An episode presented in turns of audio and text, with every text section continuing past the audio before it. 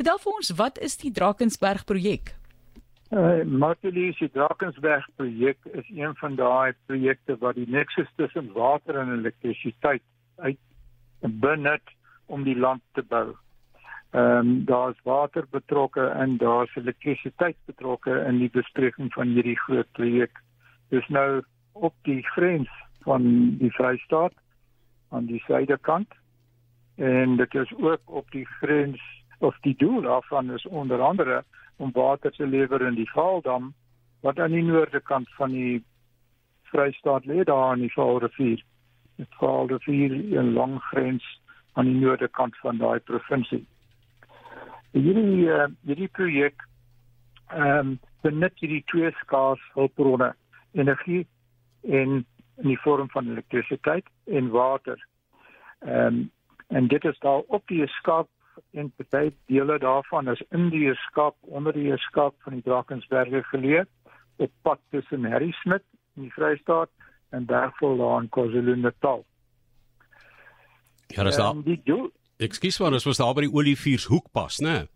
Net so. Yes. Dit is by die Oliviershoek pas as jy daar afry dan weet jy hier onder jou gaan dinge aan. En as jy mooi stop daar bo op die kruin van die berg en kyk suid, Natal se kant toe, KwaZulu-Natal se kant toe, kan jy dalk 'n paar onderdele of komponente van hierdie projek sien. Yes. Die een, die een groot is die is die Woodstock dam wat ons later van sal praat. Maar maar die Drakensberg projek het mos begin as 'n as 'n blink idee, né, om water eintlik daar by die Vaaldam geïntegreer te kry naby vereniging. Dit is korrek, ja. Ehm um, as in hierdie land gedurig is daar 'n 'n 'n risiko van tekorte van water en ons beleef dit vandag nog elke partyplekke van die land.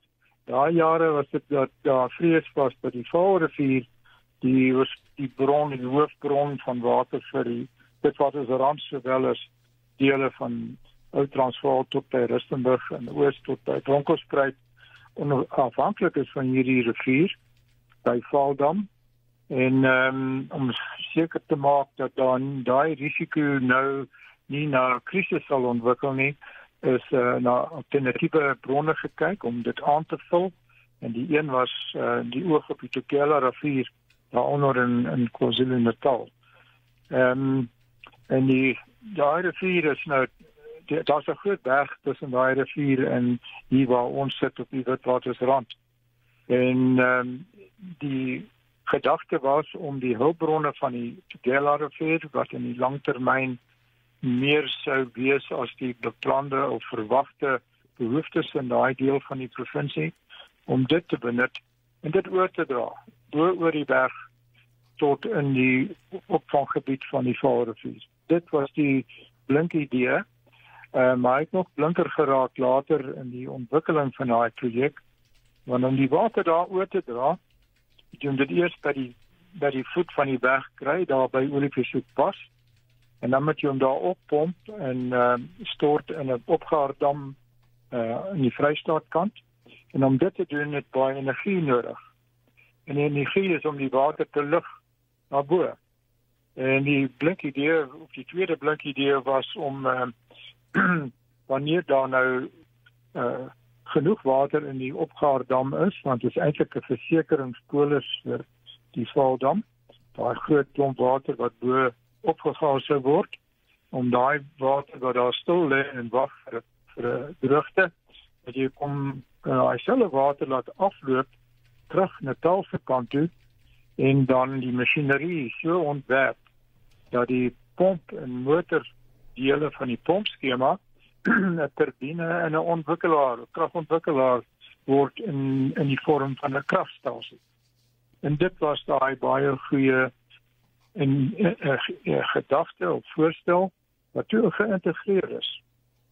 Ehm um, die beplanning van die waterskema het bietjie vooruitgeloop onder die naam van die Tugela Fall ehm um, waterstaatswaterwerke. Dit was die lang naam Tugela Falls staatswater skema om op se oordrag skema oordrag van een rivier na ander. En dit was ehm um, tydens die begin tye van die konstruksie van daai skema dat hierdie elektriese skema energie skema bygekom het. Uh, Eskom is toe oortuig dat hulle gaan spitse in hulle bespreidingsstelsel kry en 'n pompopgaar skema is ideaal om spitse te voorsien. Want jy gebruik die water op en af. Die energie om dit op te pomp en die energie word dan weer terug ontwikkel aan die stroomafkant wanneer daar genoeg water is en daar's 'n tekort aan energie die in die ekonomie van die saak, nou is 'n klomp kapitaal betrokke. Die ekonomie van die saak is dat in daardie jare was die waarde ekonomiese waarde van energie in spitstye so vyf keer die waarde van dieselfde hoeveelheid ene eenhede in normale tye van gebruik. So daar was 'n groot ekonomiese voordeel gewees om 'n 1000 megawatt kragstasie ehm um, daar te sit onder die grond daar by Olifantsoek pas. Oek, dis baie interessant. Jy pomp die water 600 meter op en gebruik jy dit weer om die volgende water op te pomp en elektrisiteit vir die land te skep, né? Net so. So ehm um, net so 'n nette dop ons ons tyd is besig om uit te tik hierso. Ehm um, ja. wat wat is waaruit bestaan die projek as 'n mens nou vinnig die komponente bymekaar plaas? OK, ek gaan redelik vinnig want daar's 'n klomp komponente.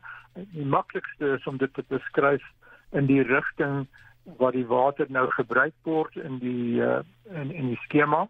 Ehm um, van die water loop stroom af wes na Drakensberg en na die see in daai rigting in die Tugela en ons wil dit terug by die berge en dan in die Vrystaat.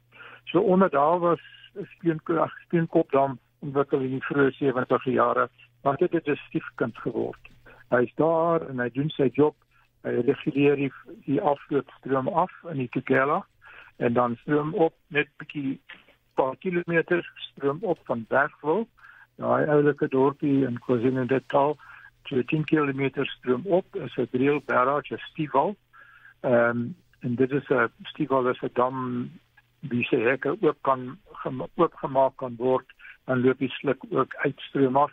Nou hierdie barrage is toe gebou met 'n pompstasie in die water 100 km uit die Tugela rivier is die eerste 100 km op te lig en 'n kanaal te sit vir terugvoer in 'n noordwestelike rigting na Olifant Pass. Daai kanaal se lengte is omtrent 35 km. Dis 'n lang groot kanaal. En hy bring die water tot by 'n um, uh, balanseerdam daar by by by, by uh, Kilburn. Kilburn is op die Kilburn dam. Dit is op die plaas Jagersrus.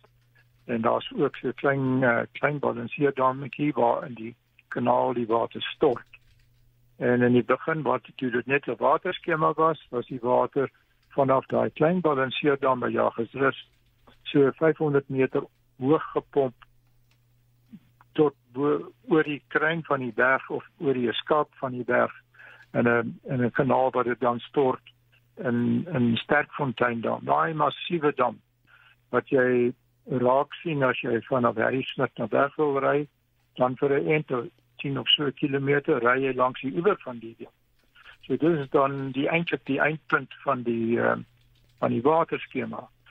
Ehm um, daar uh, in 'n paar jare sal besef dat hierdie skema so watervol hy soek opgaring in KwaZulu-Natal opgaring van water en ehm um, Woodstock Dam is daar in die tussen Kilburn Dam en Bergville is Woodstock Dam toe gebou uh vroeg 80e jare en sy werk is om die water afloop in die Tugela wat baie wisselvallig kan wees om dit te reguleer na die drill barrage wat 'n klein opgaar vermoë.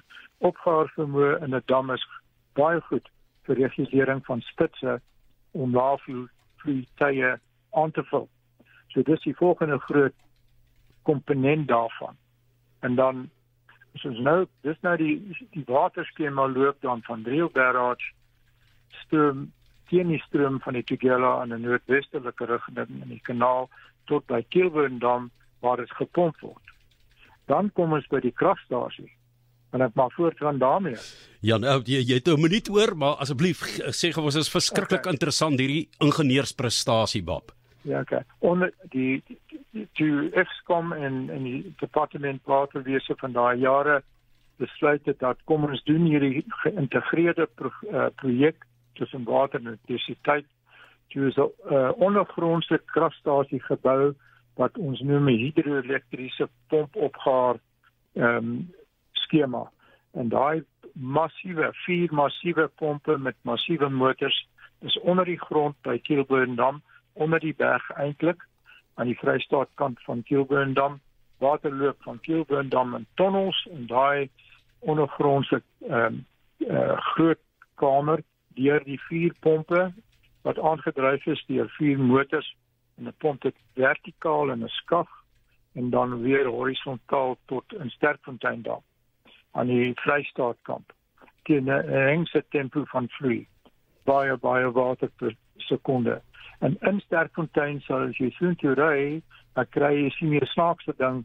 Daar staan die bokant van 'n dam uit die water in Sterkfontein die water wat opgegaar is in Sterkfontein het 'n dam binne in dit en daar's water weerskante van hierdie dam. Ongelooflik. Betondam. Nou dit is 'n grondvol betondam.